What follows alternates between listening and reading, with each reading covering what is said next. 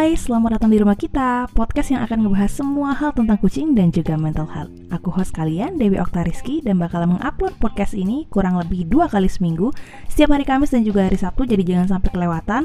Dan buat kalian yang baru pertama kali gabung di sini, hai, jangan lupa untuk follow Instagram at ini.rumahkita. So, without further ado, let's jump right in into this episode.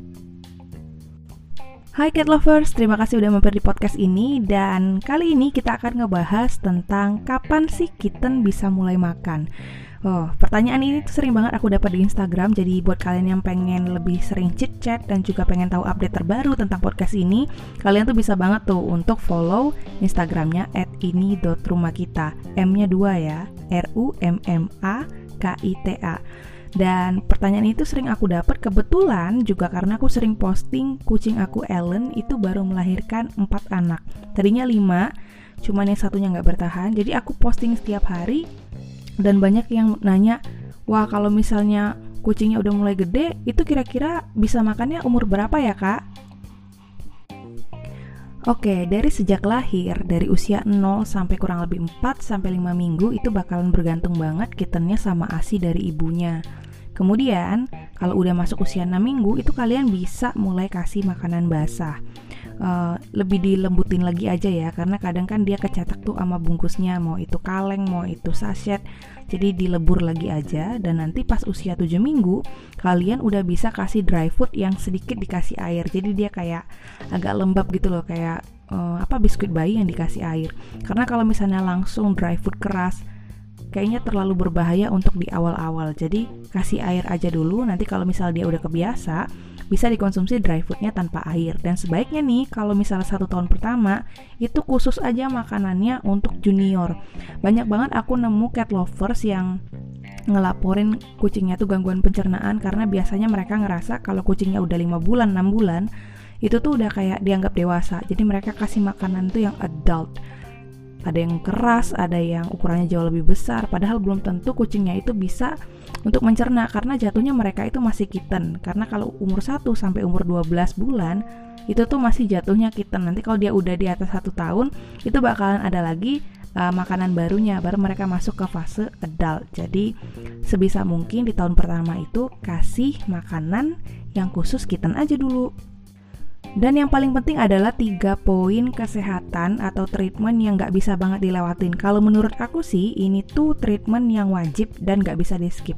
Yang pertama adalah obat cacing. Obat cacing kita bisa kasih di usia mereka tiga bulan. Kalau aku pribadi eh, konsul ke dokter-dokter yang pernah um, kerja sama sama aku atau ngurusin anak-anakku itu biasanya tiga bulan itu di usia yang tepat untuk ngasih obat cacing. Jadi pas umur 3 bulan dikasih dulu satu kali kemudian bulan depannya satu kali berikutnya baru per tiga bulan atau lima bulan sekali. Jadi termaintain dan dia nggak gampang untuk cacingan. Kemudian yang kedua adalah vaksin. Vaksin bisa dikasih untuk kitten itu pas dia usia 8 minggu.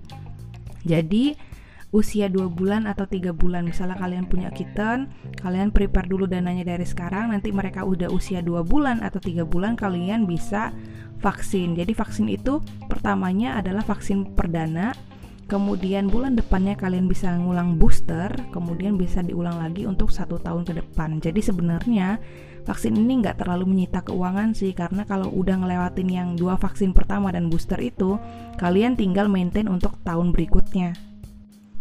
Poin yang ketiga sebenarnya masih pro kontra, jadi nggak semua orang setuju, but honestly aku setuju banget sama yang namanya sterilisasi. Kenapa? Karena selain mengulangi, mengurangi populasi, sterilisasi punya manfaat banyak banget buat kucing kalian. Khususnya yang mereka udah mau masuk usia dewasa ya, kayak 8 bulan ke atas itu biasanya udah bisa disterilisasi. Kalau misalnya kalian kira-kira pengen tahu dulu nih tentang sterilisasi, bisa googling dulu atau mungkin aku bakalan bahas di episode sesudah ini. Episode kedua nanti aku bakalan coba deh untuk bahas tentang sterilisasi biar lebih lengkap ya, karena kalau di sini dicampur-campur kayaknya kurang enak. Dan jangan lupa juga poin-poin lain itu nggak akan bisa kayak maksimal kalau kalian nggak jaga kebersihan kandang, kalian nggak kasih asupan untuk ibu yang menyusui dengan benar karena kan ibu hamil atau menyusui itu makanannya biasanya harus lebih tinggi protein kemudian mereka jadi gampang lapar, makanannya harus banyak.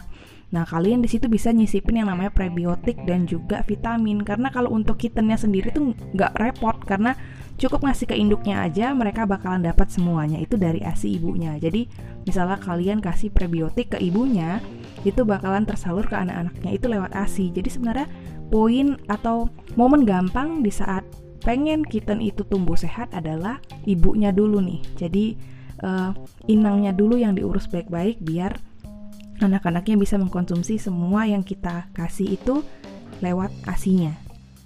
Bikin induknya nyaman itu nggak cuma dari makanan, kalian juga harus mastiin kalau litter boxnya itu harus sering dibersihkan karena menurut pengalaman aku, kucing aku yang hamil itu atau menyusui itu biasanya lebih sering pup dan kencing karena mereka kan makan bolak-balik tuh, laparnya juga sering. Jadi otomatis litter boxnya itu bakalan jauh lebih sering keisi. Ya kalau misalnya kalian biasa bersihin 2 sampai 3 kali sehari, mungkin bisa jadi 3 sampai 4 kali sehari dan pastiin untuk tetap kering. Apalagi musim penghujan kayak gini ya. Aduh, jangan sampai kalian telat karena bisa lembab terus ada kayak bau-bau yang lebih nggak sedap lagi. Kalau kucing kalian indoor kayak kucing aku, biasanya aku cari yang benar-benar pasirnya itu punya daya serap yang tinggi. Kemudian makanannya diganti sama indoor food karena kalau mereka makan khusus indoor food uh, pupnya itu nggak terlalu bau dan juga bulunya itu nggak rontok. Jadi benar-benar makanan khusus untuk indoor cat itu jauh lebih membantu. Kalian misalnya punya kucing outdoor pun, tapi kalau nggak terlalu sering dilepasin, kalian juga bisa sebenarnya kasih kayak indoor food gitu. Jadi pas mereka pulang itu tetap nggak ada bulu yang bertebaran dan juga pupnya itu nggak terlalu bau sih. Jauh banget signifikan dibanding kalian ngasih makanan kucing yang biasa. Terus gimana kak kalau misalnya kittennya ini aku nemunya tuh nggak ada induknya Kan sering tuh misalnya kalian rescuer atau nggak sengaja ketemu di pasar, di jalanan Ada kitten yang usianya sekitar dua bulanan juga Mereka itu nggak ada induknya sendirian. Kadang kan dibuang ada juga yang belum bisa melek. Jadi saran aku gunakan susu formula kucing yang botol dotnya itu harus sesuai standar. Sampai sekarang sih aku masih favorit ada satu produk. Mungkin kalian udah pernah pakai juga ada produk Royal Canin. Jadi untuk baby milknya itu dalam satu paket itu ada susu formula kemudian juga ada uh, botol susunya. Itu beda banget sama botol susu yang ada di pasaran. Botol susunya itu benar-benar ideal dan juga nipple-nya itu benar-benar bisa diisap sama si kittennya dengan baik. Kualitas karetnya kemudian bentuknya pas banget sama mulut kitten. Aku pernah banget dulu waktu belum ngerti apa-apa beli botol yang dari pet shop biasa saking bingungnya. Tapi malah kucing itu lebih sering kesedak gitu loh. Terus juga uh, padat di ujung-ujung nipolnya itu sampai kita harus mencet dulu botolnya baru masuk ke mulut kucingnya dan itu kadang-kadang kan terlalu banyak. Itu yang bikin kucingnya kesedak dan menurut aku bahaya banget sih kalau misalnya kalian memutuskan untuk beli produk atau botol susu yang gak sesuai standar di pet shop. Walaupun murah ya tapi sebaiknya sih kalau untuk nyawa kalau untuk jangka panjang sebaiknya kalian beli yang khusus dan juga susu formulanya tuh yang high quality Terus kalau misalnya kucingnya itu nggak punya induk, kalian harus tahu sebelum kalian ngasih makan itu sebaiknya distimulasi dulu. Kalian pernah nggak sih merhatiin kucing itu sebelum nyusuin anaknya itu bakal dijilatin dulu kelaminnya sampai dia kepipis, sampai dia pup. Itu kan kalau dianya masih terlalu kecil biasanya itu dijilat ibunya kan kotorannya.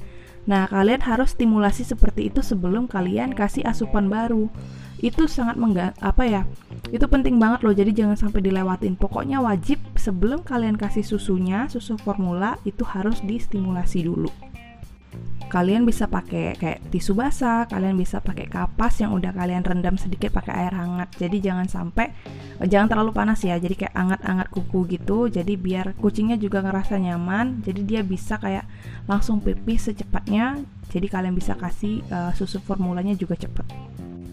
Terus untuk durasinya gimana kak? Durasi pemberian pemberian susunya itu kayak gimana? mostly kalau dia masih newborn sampai satu bulanan kayaknya satu jam sekali dua jam sekali tuh kalian harus benar-benar ready untuk ngasih dia makan banyak sih kadang-kadang aku lihat waktu itu aku pernah gathering ya ada satu momen dia tuh tetap pengen ikut gathering tapi tetap pengen ngurusin kittennya jadi kittennya itu dibawa dan dia kasih susu gitu di tengah seminar. Sebenarnya itu nggak sehat tapi mungkin itu terpaksa ya. Sebenarnya itu kan banyak bakteri jadi uh, di tengah rame gitu kan.